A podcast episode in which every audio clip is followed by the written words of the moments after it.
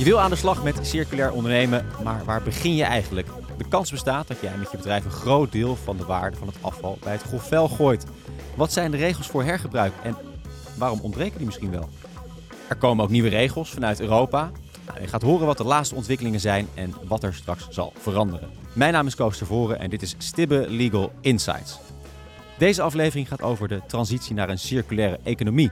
Want hoewel ondernemers vaak het idee hebben er wat mee te moeten, is er veel onduidelijkheid over de wetten en regels. In deze aflevering zoeken we uit waar dat aan ligt en wat je kan doen om er voordeel uit te halen.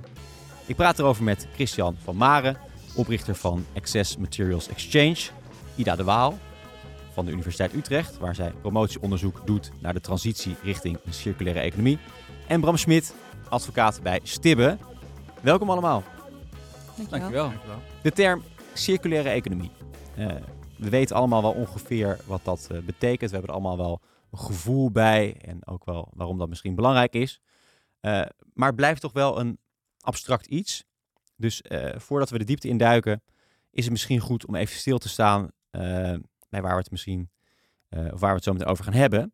Christian, ehm, jouw bedrijf matcht partijen met afval aan partijen die daar vervolgens iets mee kunnen. Uh, een soort dating site voor uh, hergebruiken zou je het uh, kunnen noemen. Kan jij uitleggen waar we het bij circulair precies over hebben? Zeker, Koos. En dat is ook eigenlijk best wel een goede vraag, want er is gewoon heel veel onduidelijkheid over wat circulaire e economie nou precies betekent. Misschien als een leuke sidestep is er ooit een studie gedaan naar hoeveel definities er zijn van de circulaire economie, een paar jaar geleden. En het bleek dat er al 160 definities ervan rondzweefden. Dus een hele terechte vraag. En eigenlijk hoe je het het beste kan uitleggen is door te zeggen wat het niet is. Op dit moment leven we in wat ze noemen een lineaire economie. Dat betekent dat we grondstoffen uit de grond halen, die dan verwerken of bewerken, daar een product van maken, dat product uh, gebruiken en die dan vervolgens weggooien, zeg maar in een, in een hele rechte lijn. Ja. En wat de circulaire economie uh, zegt is, nee, nee, we gaan het niet weggooien, maar we gaan proberen om die producten en die materialen weer op zo'n hoogwaardig mogelijke manier uh, in te zetten of te blijven inzetten. Zodat die waarde uh, behouden blijft. En dat is niet iets wat zeg maar een kleine verandering is. Niet iets wat je beter, sneller of goedkoper gaat doen. Maar het gaat hier echt om een systeemverandering. Dus je moet echt het hele systeem veranderen. Niet alleen maar dat je meer gaat recyclen of dat je meer gaat sorteren. Maar dat je ook echt gaat kijken naar het begin van het proces. Dat je dingen anders gaat ontwerpen, anders gaat uh, documenteren. Het is echt dingen op een hele andere manier gaan aanpakken. Dus het is een allesomvattende transitie eigenlijk. Ja, het systeem veranderen. Dus eerst uh, hebben we een lijntje en nu gaan we er een rondje van maken. Dat is inderdaad een, een goede samenvatting. Ja. Je zei er zijn 160 definities van circulair. Wat zijn nog een paar andere definities dan? Nou, ze komen ongeveer allemaal min of meer op hetzelfde neer. Maar ik denk vooral dat de focus hier en daar wat, uh, wat, wat verschuift. Hè. De ene focust heel erg op uh, de designfase, dat je heel erg uh, dat mee moet nemen in, in de ontwerpfase van producten. Terwijl andere definities van de circulaire economie meer focussen op meer recyclen of, of de levensduur van producten verlengen. Goed, over het algemeen um, Hè, moet je ook kijken naar de hele keten. Wat gebeurt er aan het begin van het proces? Wat gebeurt er aan het einde van het proces? En ook tijdens de gebruiksfase. Ja. Nou, Ida, jij doet onderzoek naar uh, de transitie uh, naar een circulaire economie. Klopt. Um, ik neem aan dat dat uh, een hele goede bijdrage kan leveren aan de klimaatambities die wij als Nederland, maar ook als Europa hebben. Ja, dat klopt zeker. Misschien goed om even te herhalen. We hebben natuurlijk in Nederland de klimaatambities die vastgelegd zijn in de Klimaatwet en in Europa in de Europese Klimaatwet en in de Europese Green Deal. Waarin onder meer de doelstelling staat om in Europa in 2050 een klimaatneutraal uh, continent te maken. En die link met de circulaire economie is eigenlijk dat de manier waarop wij grondstoffen, materialen en producten gebruiken een hele grote impact heeft op het milieu. Namelijk mm -hmm. 50% van de broeikasgasemissies is eigenlijk afkomstig uit de winning en de verwerking van primaire grondstoffen. En daarnaast heeft ook de manier waarop wij consumeren een heel negatief effect op het milieu, met bijvoorbeeld uh, het biodiversiteitsverlies, de waterstress die er is. En ja, zien we eigenlijk dat wij ons gedrag de aarde gewoon volledig uitput. Als we allemaal zouden consumeren zoals we in Europa doen, dan kost dat eigenlijk drie aardes in plaats van ja, ja. die ene die we hebben. De manier waarop wij omgaan met grondstoffen en de transitie naar een circulaire en klimaatneutrale economie is er heel belangrijk voor, Ja. denk ik. Ja. ja, je zegt inderdaad ook eh, zoveel uitstoot door eh, de manier waarop we het nu doen. Hè, Mhm. Zeker aan, aan aan het begin van zo'n productieproces. Als je dat circulair maakt, hè, dan, dan haal je dat misschien al weg bij het hè, winnen van grondstof hebben we het dan over. Ja, precies. Eigenlijk die uitstoot die dan veroorzaakt wordt door de winning en de verwerking van grondstoffen, die neemt dan aanzienlijk af. Precies, ja. En als we het dan hebben, hè, dit is een juridische podcast Mhm. van, eh, van Stibbe. Zeker. Als we het dan hebben over ja, het juridische kader waar we dan het over hebben. Eh, de wetgeving. Hoe staat die ervoor als het om circulaire economie gaat? Nou, als we echt specifiek kijken naar, naar de circulaire economie, transitie en het juridisch kader daarvoor, dan is er nu al wel regelgeving die die transitie ten goede kan komen. Eh, denk bijvoorbeeld aan de eco-design-richtlijn op Europees niveau of het instrument van uitgebreide producentenverantwoordelijkheid. Maar ook zijn er sinds het uitkomen van het Europese actieplan voor de circulaire economie wijzigingen geweest ehm, in de regelgeving. Bijvoorbeeld een wijziging van de kaderrichtlijn afvalstoffen. Maar desondanks zie je dat er wel nog steeds belemmeringen bestaan voor die transitie naar circulaire economie. Of dat er dus onbenutte kansen zijn in die bestaande regelgeving om die transitie verder te stimuleren. Nou, als je bijvoorbeeld kijkt naar die kaderrichtlijn afvalstoffen, eh, die is in 2018 gewijzigd naar aanleiding van dat actieplan. En de kaderrichtlijn afvalstoffen bevat eigenlijk het overkoepelende Europese kader voor het verwerken en het behandelen van afval. Het introduceert die uitgebreide producentenverantwoordelijkheid en bevat bijvoorbeeld ook de afvalhiërarchie. En met de wijziging in 2018 is expliciet gemaakt dat het afvalstoffenrecht eigenlijk omgevormd moet worden naar duurzaam materialenbeheer. En is ook de circulaire economietransitie echt opgenomen in de tekst van die kaderrichtlijn afvalstoffen. Maar ja, ook zijn er wat andere wijzigingen geweest in die richtlijn. Maar desondanks zie je dus dat het afvalstoffenrecht nog niet helemaal in lijn is met die circulaire economietransitie. En dat in de praktijk dus belemmeringen blijven bestaan met betrekking tot het afvalstoffenrecht. Er is ook bestaande regelgeving die bijdraagt aan de transitie of mogelijkheden biedt om die transitie verder te brengen. Eh, bijvoorbeeld die eco-design-richtlijn. Eh, dit is een richtlijn die stelt een kader vast om productspecifieke eisen eh, te stellen in zaken ecologisch ontwerp van energiegerelateerde producten. Ehm, het gaat voornamelijk om de energie-efficiëntie daarvan, maar die richtlijn biedt ook mogelijkheden om meer materiaalefficiëntie of circulaire aspecten ja, daar vereisten voor te stellen. Maar ondanks dat dat mogelijk is, ja, blijkt eigenlijk pas dat in, sinds 2019 de eerste circulaire aspecten mee zijn genomen in dat eco-design. Dus wat dat betreft is eigenlijk de mogelijkheden van die eco-design-richtlijn zijn nu nog best wel beperkt, of in ieder geval niet volledig benut worden die. En hetzelfde kan je eigenlijk zeggen van het instrument van uitgebreide producentenverantwoordelijkheid. Dat is heel belangrijk voor de transitie naar circulaire economie. Maar tegelijkertijd wordt gezegd dat om dat instrument nou volledig ja, tot zijn recht te laten komen voor die transitie, dat daar ook nog wel wat wijzigingen nodig zijn. Zowel aan het instrument zelf als ook aan de toepassing ervan. Dus dat het van toepassing is op bijvoorbeeld meer producten dan dat het nu is. Bram, als we dan kijken naar de eh, praktijk. ehm, nou, Ida zegt het al een beetje. Er is al een hoop. eh, alleen eh, nog niet genoeg. Eh, wetgeving en circulair gaat nu niet helemaal lekker samen. Hoe kan dat? dat dat nu niet zo met elkaar. eh, dat het nog niet zo lekker loopt? Nou, je ziet eigenlijk twee dingen. Het afvalrecht sluit nog niet heel goed aan op de circulaire economie. Het is vaak moeilijk om te beoordelen als je gaat recyclen of je met afvalstoffen juridisch gezien te maken hebt of niet. Of het afval En- is? Ja, precies. En dat maakt dan weer uit omdat je bijvoorbeeld vergunningen, meldplichten, dat soort dingen hebt. En dat kan ja, eigenlijk een bedrijfsmodel waarbij je gaat hergebruiken, kan dat best wel bemoeilijken. Het zijn gewoon administratieve lasten. En daarbij is het toch ook vaak merken voor bedrijven heel lastig om te beoordelen of iets nou afval is of niet. Dat is altijd best wel even een, een lastige juridische puzzel. En Kun je daar een voorbeeld van noemen? Wanneer is dat lastig? nou, eigenlijk, eh, we hebben een voorbeeld gehad van Access Materials Exchange. Zij willen natuurlijk een eh, marktplaats opzetten voor secundaire producten. En daarbij is het dus eigenlijk veel makkelijker als je niet telkens zo'n hele ingewikkelde beoordeling hoeft te maken. Dus bijvoorbeeld met dat soort platformen die gewoon het ene bedrijf verbinden met het andere bedrijf, is het veel prettiger als je niet telkens die beoordeling hoeft te doen. Nee. Want wat, wat voor beoordeling hebben we het dan precies over? of iets juridisch gezien een afvalstof is of niet. En ja, dat, dat moet je telkens weer aan de hand van concrete feiten. In dat geval moet je dat bekijken. Ja, dus dat zou soepeler moeten. Ja, ja tenminste, het zou duidelijker moeten. Ik denk, ehm, ja, het kan soepeler, maar het kan ook duidelijker. Het is heel prettig, denk ik, voor bedrijven om gewoon van tevoren te weten van dit is afval als ik er dit mee doe. Of het is juist niet afval en dan heb ik al die vergunningen niet nodig. Dus ik denk vooral duidelijkheid kan ook echt helpen Om, ja, om gewoon te weten wanneer je wel door uh, die juridische hoepels moet van vergunning, meldplichten en dat soort dingen. En wanneer het juist niet moet. Wat we ook in de praktijk zien is dat er soms prikkels ontbreken om te innoveren. Dat zie je bijvoorbeeld als je afval gaat verwerken. Het landelijk afvalbeheerplan gaat uit van bepaalde verwerkingstechnieken, dus bijvoorbeeld verbranding of andere specifiek aangewezen verwerkingen. En als je iets nieuws wilt, wat eigenlijk hoogwaardiger, circulairder is dan wat er nu in het landelijk afvalbeheerplan staat, dan moet je dat vaak nog best wel goed onderzoeken. Dat is dus niet makkelijk. Het is altijd makkelijker eigenlijk om te doen wat dan mag. Dus bijvoorbeeld verbranding. Ja, innovatie kost geld. Ja, ja en verder, wat, wat je ook nog in het algemeen ziet, is dat veel mensen toch nu wel zeggen dat het recht in algemene zin te vrijblijvend is. Dus eigenlijk te weinig verplichtingen die bijdragen aan een circulaire economie. Ja, precies. Dus ondernemers worden ook niet echt gedwongen om in kaart te brengen wat wel of geen afval is.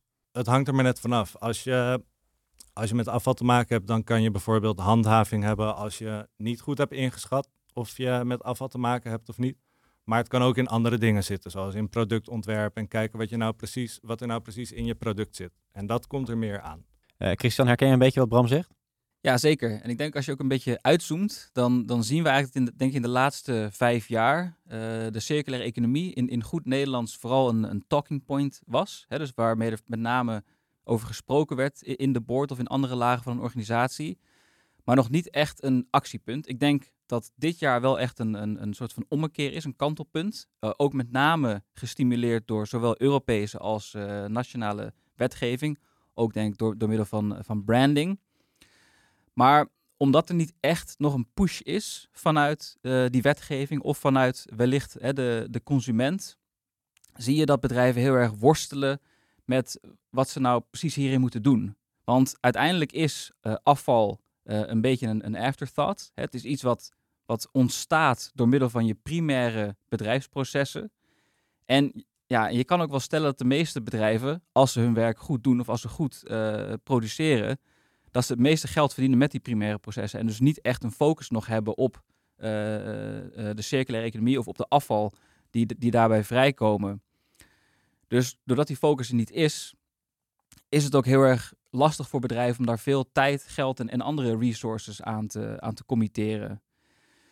Dus in die zin uh, zou het heel erg helpen als er wat meer duidelijkheid komt vanuit die wetgeving. Zodat niet alleen de hele vooruitstrevende bedrijven die hele sterke duurzame doelstellingen hebben, hieraan gaan participeren, maar ook eigenlijk het peloton, uh, om maar even in, uh, in wielentermen te spreken, ook meegaat in die transitie. Want die zijn juist zo belangrijk, want daar zitten al die materialen die we nodig hebben om deze transitie op gang te brengen.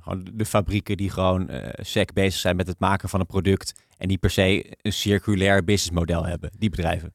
Nou, precies. En, en, eigenlijk zou je kunnen stellen dat, dat waarschijnlijk de meeste bedrijven, met misschien een paar uitzonderingen hier en daar, nog geen circulair bedrijfsmodel hebben. En, en om al die bedrijven mee te nemen en mee te krijgen, heb je gewoon uh, een, een level playing field nodig, die wellicht hè, zou kunnen komen vanuit wetgeving.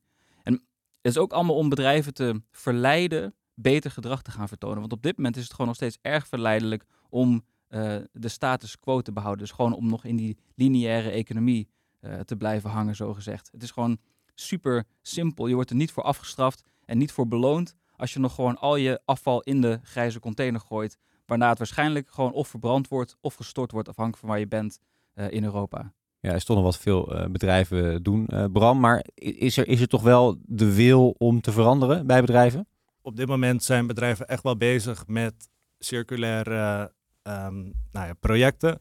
Er is wel interesse, maar het zijn toch vaak nog de pioniers. Ook omdat er nu inderdaad nog niet heel veel stimulans is vanuit wetgeving. Maar we hebben zeker wel bedrijven geadviseerd die hier iets mee willen. En dan loop je dus wel af en toe aan tegen de dingen die ik net al zei. Dus dat afvalrecht ingewikkeld kan zijn. Het vergt toch vaak wel nou, enig juridisch gepuzzel. Maar ik zie zeker wel bedrijven die dit willen. Ja, ja kijk je erin, uh, Christian? Ja, zeker. Ja, er, zijn, er zitten echt wel een paar um, pioniers in die heel graag um, uh, mee willen doen. Hè, uit allerlei verschillende industrieën en sectoren. En, en dat zijn dan vaak bedrijven die wellicht wel bereid zijn dit gepuzzel, uh, zoals Bram dat noemt, aan te gaan. Ja, die zit je op, jouw, platform natuurlijk. Die zitten zeker op ons platform. En dat zijn dan vaak, dat zijn dan vaak, moet ik eerlijk wel zeggen, organisaties die uh, niet gedreven worden door alleen maar door financiële, uh, hoe zeg je dat, uh, metrics. maar echt hele sterke duurzaamheidsdoelstellingen. Dus bijvoorbeeld binnen een bepaalde termijn afvalvrij willen worden. Of inderdaad zien, um, zoals ieder dat heel goed zegt, dat er inderdaad emissies verbonden zitten uh, aan de uh, afvalstromen die ze creëren met hun bedrijfsprocessen. Maar wat we ook wel zien, uh, bij sommige voorbeelden, we hebben bijvoorbeeld één, één klant gehad, een, een, een groot farmaceutisch bedrijf die, um, die het, een, een, een vaccin maakt voor de, voor de griep. Natuurlijk heel erg hip en happening these days. overigens is het gewoon de normale griep, niet, niet het coronavirus. Niet de bekendste griep. Niet inderdaad. Um, en daar worden blijkbaar eieren voor gebruikt om die uh, vaccins te maken. Ik wist dit ook niet. Uh, voor mij een nieuwe wereld. Maar nadat ze eigenlijk dat vaccin gemaakt hebben, zijn ze klaar met die eieren. Worden ze eigenlijk helemaal weggegooid. En nu is het zo dat het best een lastige stroom is, omdat het natuurlijk wel uh, in contact is geweest met een virus. en tegelijkertijd ook lastig, laten we zeggen, composteert, want eieren zijn gewoon een inert materiaal. Dus dat kost ze best veel geld per jaar. Ongeveer een half miljoen um, pond in dit geval. Dus dit is een Brits voorbeeld. Uh, per jaar. Um, en nou, ze hebben ons op een gegeven moment uh, om hulp gevraagd. En we hadden vrij snel daar een aantal hele leuke oplossingen voor. Je kan er bijvoorbeeld cement van maken. Je kan het gebruiken als filler in, in de productie van plastic. En je kan het ook gebruiken in de backing van tapijten, tapijttegels. En dan echt als een soort van eigenlijk een soort van low carbon uh, optie uh, als een soort van feedstock voor die, uh, voor die producten. Nou, het lijkt me dat ze stonden te springen daar. Ze vonden het heel erg leuk, maar tegelijkertijd um, bracht het ook met zich mee een aantal um, interventies in hun productieproces. En toen ze dat eenmaal door hadden, zakte dat enthousiasme wel een beetje in elkaar. Want dachten ze, ja, we vinden het heel leuk en willen het heel graag doen. En ze zagen ook wel natuurlijk die, wat ik zou zeggen, enorme kostenbesparing. Maar blijkbaar verdienen ze toch best wel veel geld met hun primaire proces. En ja, goed. Ehm, hè, misschien dat ze nog van gedachten veranderen. Maar is nu in ieder geval um, ja, hun reactie dat ze denken van nou, we zoeken een oplossing die eigenlijk ons primaire proces niet verstoort. Dus dan zie je al gelijk, zelfs in dit geval, in deze business case, die echt voor mij echt overduidelijk is. Ik bedoel, een half miljoen pond is echt een hoop geld. Is voor hun gewoon uh, geen prioriteit. Ja, jammer als je het, als je het zo hoort. Uh, maar goed, je hebt dus, je hebt dus zo'n datingplatform. Uh, uh, ik neem aan dat er ook al veel goede huwelijken ontstaan. Ja, zeker. Een ander heel leuk voorbeeld, wat dichter bij huis, bij een, een groot Nederlandse luchthaven. Die toen in, in, in de wat betere tijden, ze trekken weer aan ontzettend veel um, afvalstromen zoals sinaasappelschillen en ook koffiedrap produceerden. En op dit moment wordt het gewoon, of in, het verleden werd het eigenlijk op, op een reguliere manier verwerkt. Hè, zoals een andere eh, groente en, en, en andere restaurantafval wordt verwerkt. Maar wij zagen, als je, als je bijvoorbeeld sinaasappelschillen eruit haalt, uitsorteert, wat op zich best kan, ook alweer een interventie, dan kan je daar leuke, allerlei leuke nieuwe andere dingen van maken. Onder andere kan je daar uh, parfum uithalen, je kan er allerlei olie uithalen. En je kan er ook um, uh, producten uithalen die je weer kan gebruiken voor de productie van zeep en andere schoonmaakmiddelen. En nu is het zo dat uh, deze luchthaven in kwestie ook weer dat zeep zelf inkoopt en dan presenteert in de wc's op die luchthaven. Dus dat is echt hè, het cirkeltje rondmaken, zo gezegd. En we hebben er zelfs voor gezorgd dat die stroom uh, mogelijkerwijs van een, van een kostenpost naar een mogelijke inkomstenbron kan gaan. Het is, het is een minimaal uh, stroompje inkomsten, zou ik zeggen, maar het is toch leuk. Maar dat is zeker niet de reden dat deze organisatie hiermee doorgaat. Het is, dit is een van die voorbeelden van een organisatie die echt hele sterke duurzaamheidsdoelstellingen heeft en echt heel graag uh, afvalvrij uh, wil worden. En dit zien als een mooi voorbeeld om daaraan bij te dragen. Ja, dus we moeten het nu toch wel een beetje hebben van de bedrijven die dat heel erg graag zelf willen. Um, maar Ida, ik kan me voorstellen dat, dat zich de komende jaren wel wetten en regels gaan komen die uh, ook het een en ander gaan verplichten. Uh, wat, wat gaan we zien de komende jaren? Nou, er zullen als het goed is een hele hoop veranderingen plaatsvinden, vooral vanuit Europa. Het meest in het oog springen nu het Sustainable Products Initiative, waaronder meerdere wetgevingsvoorstellen vallen. en daarnaast zijn er natuurlijk ook allerlei andere ontwikkelingen die nu plaatsvinden qua regelgeving. Maar als we specifiek kijken naar dat Sustainable Products Initiative, dan is de kern, ja, dat is eigenlijk een initiatief dat als doel heeft om ervoor te zorgen dat in 2030 een aanzienlijk deel van alle fysieke goederen die op de Europese markt worden gebracht, dat die duurzaam en circulair zijn en energie- en hulpbronnen efficiënt. Ja, de kern hiervan is eigenlijk uh, het voorstel voor uh, verordening voor duurzame producten. En ja, die zal, verordening zal straks betrekking hebben op zo goed als alle fysieke producten op de Europese markt. En daarbij is het doel om die producten eigenlijk over een hele levenscyclus milieuvriendelijker, circulairder en energie-efficiënter te maken. Ja, en dat voorstel heeft voornamelijk betrekking op het productontwerp. Het zal dus uh, gaan over het stellen van nieuwe productvereisen. Dan kan je denken aan bijvoorbeeld repareerbaarheid, bepaald percentage gerecyclede materialen, maar ook de herbruikbaarheid daarvan. Um, maar ook is een belangrijk onderdeel van die verordening uh, informatievereisten. Uh, waaronder ook digitale productpaspoorten, waarin allerlei informatie over producten straks vermeld moet staan. En ook een belangrijk onderdeel daarvan is uh, dat er een verbod kan komen op vernietiging van onverkochte consumptiegoederen. In principe houdt dat vooralsnog transparantiemaatregelen in. Dat betekent dat grote bedrijven ja, duidelijk moeten maken of openbaar moeten maken hoeveel onverkochte consumptieproducten zij vernietigen, waarom ze dat doen en of er ook dingen voor hergebruik of recycling worden aangeboden. En, uh, maar ook bevat het voorstel voor die, in die verordening um, een mogelijkheid om die vernietiging van onverkochte producten helemaal te verbieden. Dus uh, ja, dat, dat gaat er aankomen. Ook wordt daarmee de positie van consumenten versterkt. Wordt beoogd een level playing field te creëren voor bedrijven. Dus dat gaat zeker een hele grote impact hebben. Bram, uh, jij staat natuurlijk bedrijven bij die in de praktijk met deze wetgeving te maken gaan krijgen. Wat, wat gaat de impact zijn uh, van, van deze wetten op die bedrijven? Ja, ik denk dat bedrijven er goed aan doen om dat per regel gewoon goed te checken voor zichzelf. Een voorbeeld is dat in 2024 is in veel minder gevallen toegestaan om mensen plastic bekers of voedselverpakkingen te geven die maar één keer gebruikt kunnen worden. Nou ja, als je die nu aan je klanten geeft, dan moet je rekening mee houden dat het later niet meer kan. En moet je ook bedenken wat daar dan voor in de plaats komt. En ook bedrijven natuurlijk die nu die verpakkingen maken, die zullen hier ook op moeten anticiperen. Ander voorbeeld is dat er voor textiel gaan er waarschijnlijk over een paar jaar verplichte recyclingspercentages komen. Dus dan een bepaald aandeel van alles wat jij qua gewicht op de markt brengt, moet dan ook weer gerecycled worden. En dan moet je ook rekening houden bijvoorbeeld met een financiële bijdrage die je daarvoor moet leveren. En inderdaad, al die Europese regels voor productontwerp, het staat nu nog niet helemaal vast um, hoe die er precies gaan uitzien en voor welke sectoren die gaan gelden. Maar als die gaan gelden, moet je natuurlijk daar ook op voorbereiden, want het kan echt grote gevolgen hebben voor de manier waarop je die producten maakt. En als laatste noem ik nog het productpaspoort, want dat is eigenlijk ja, een verplicht document waar je ook allerlei soorten informatie over je producten in moet doen, zoals bijvoorbeeld herbruikbaarheid, repareerbaarheid en nou, vele andere mogelijke dingen wordt ook nog allemaal vastgesteld.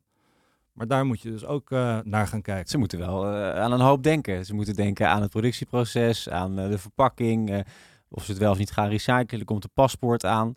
Hoe kunnen bedrijven zich hierop voorbereiden? Ja, in eerste instantie gewoon goed kijken wat er aankomt. En als je weet wat er aankomt en wanneer het komt, dan kan je vervolgens stapsgewijs je productieproces erop aanpassen. Ja. Christian, zie jij het ook zo? Um, moeten uh, ondernemers zich wel even goed uh, gaan voorbereiden op al uh, wat er gaat komen? Ja, ik kijk er misschien net iets anders naar. Misschien ook meer vanuit met, een, met een ondernemersbril. Ik, ik, zie het ook eigenlijk meer als een, als een ontzettend grote kans. Geen voor... moedje, maar een kans een, een, kans, niet, niet alleen voor bedrijven zoals, zoals, zoals ons, hè, voor, voor dit soort platforms die, die, die overal nu um, uit de grond gestampt lijken te worden. Maar ik denk ook voor, voor ondernemers die, die iets duurzaams willen doen, maar ook bedrijven die zich graag duurzaam willen profileren. Want ik denk wel met behulp van dit Europese platform kan je ook de rest van de wereld gaan bedienen. Want ik denk dat, en ik, ik vind het eigenlijk heel mooi dat Europa hier echt het, het voortouw inneemt en hier echt um, leider in lijkt te willen zijn in de rest van de wereld. Want de rest van de wereld kan niet, kan niet achterblijven. Kijk, behalve dat natuurlijk ons platform mogelijkerwijs kan zorgen voor een reductie in, um, in kosten voor afvalverwerking. En wellicht hier en daar zelfs kan, kan zorgen voor wat extra inkomsten. En noem het voorbeeld van die sinaasappelschillen of voor die eierschalen, die ook omgezet kunnen worden in een, in een inkomstenbron. En we, zien, we zien bij veel van onze klanten dat ze of een groot gedeelte, zo niet alle, van hun afvalkosten kunnen besparen. En zelfs soms 10% van de originele waarde van producten terug kunnen krijgen. Maar daarnaast is het ook een manier om je echt in pole position te zetten voor die toekomst die er aan zit te komen. Je noemde net al allerlei, allerlei um, zaken waar bedrijven zich op voor moeten bereiden. Dat laat heel goed zien dat dit niet een klein stapje is. Dit is echt een systeemverandering. En als je nu al niet de eerste stappen zet, dan ga je er later gewoon op verliezen. Dus het is niet alleen maar een kans om nu misschien uh, kosten te reduceren of wat extra geld te verdienen. Maar het is ook een manier om je als bedrijf of als organisatie echt klaar te maken voor een toekomst die er gewoon 100% aan zit te komen. Misschien niet in de komende vijf jaar, maar zeker in de komende, uh, in de komende tien jaar. En een van de dingen die ik wel wil aanstippen, die, die Bram net noemde, dat is het grondstoffenpaspoort of het, of het productenpaspoort. Heeft uh, ook al inmiddels een hoop uh, namen gekregen. Maar ik denk dat het heel belangrijk is als eerste stap voor bedrijven dat ze begrijpen welke materialen ze allemaal beïnvloeden met hun bedrijfsprocessen. Dus dat kan zijn de materialen die in hun producten zitten, maar ook de, de materialen die vrijkomen bij de productie van die producten. Want dat stukje awareness alleen al zal ervoor zorgen dat ze wellicht um, veel sneller kunnen zien wat er met die materialen zou kunnen gebeuren. Of dat ze wellicht het, uh, het hele ontwerp van die producten uh, kunnen aanpassen. Wij raden een hoop van onze klanten aan om als eerste stap eens op afvalsafari te gaan in hun eigen organisatie en te kijken wat voor materialen ze allemaal um, ja, rond hebben stromen in hun bedrijfsprocessen. En alleen daarmee al uh, ontstaan er allerlei nieuwe kansen.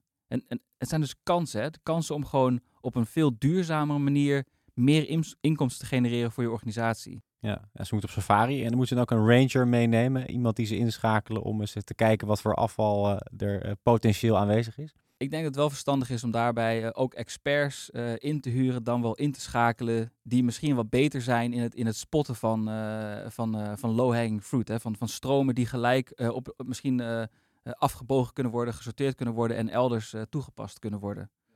Met, met potentieel dus heel erg veel waarde. Um, dus uh, misschien tot wel 10% extra inkomsten.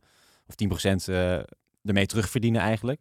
Uh, zien ondernemers dat ook, Bram, zien die ook financiële kansen? Ja, we hebben regelmatig cliënten die zelf een circulair project willen beginnen. Ofwel vanuit duurzaamheidsoverwegingen. Of omdat ze inderdaad zien dat er ook geld mee valt te verdienen. En wat ik ook anderzijds zie, is veel bedrijven die zich afvragen van circulaire economie, wat moet ik daarmee? En wat is er juridisch? En ook wat gaat er aankomen? Dus ik merk wel bij verschillende bedrijven om verschillende redenen interesse in dit onderwerp. En, en nou goed, als je dan zo'n bedrijf uh, voor je hebt zitten um, en die vraagt zich inderdaad af, wat, wat moet ik hiermee doen? En zeker juridisch gezien, wat adviseer je dan uh, een ondernemer? Ja, op dit moment is het nog steeds wel pionieren, denk ik. En op dit moment kan er vanuit juridisch perspectief kan er heel veel eigenlijk. En is er op dit moment ook nog relatief weinig verplicht. Dus het is nog best wel vrij. Bedrijven die iets willen doen met hergebruik, die kunnen dat meestal ook doen. Maar het is dus wel af en toe lastig met dat afvalrecht. Dus je moet wel altijd goed je juridische onderzoek doen. In zo'n geval als je zo'n nieuw project begint. En als je er dan alsnog niet helemaal uitkomt, of je vindt het net wat uh, twijfelachtig allemaal, of te onzeker, of je nou met afval te maken hebt of niet, dan zouden we altijd aanraden om gewoon overleg um, te zoeken met vergunningverleners of handhavers als je een nieuw product of een uh, nieuw project wil uitvoeren.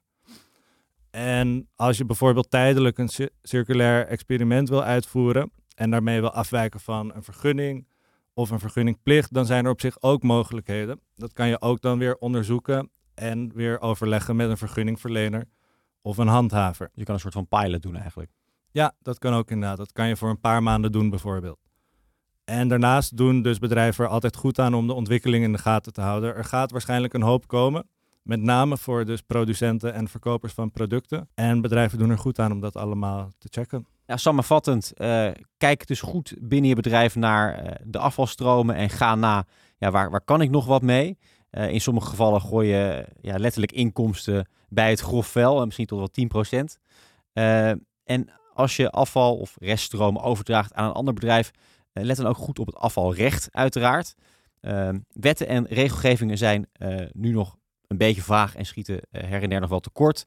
Dus doe ook bij die vaagheid goed onderzoek en overleg met een vergunningverlener of een handhaver. Ehm, er komt overigens wel verandering in. er worden wetten ontwikkeld in Europa en die gaan ook hier in Nederland gelden. Dus doe goed je huiswerk om te achterhalen wat voor jouw bedrijf en voor jouw branche van toepassing is. Dat was hem alweer. Dankjewel. Ida, Bram en Christian. Dit was Stibbe Legal Insights. Wil je nog meer weten over circulair ondernemen?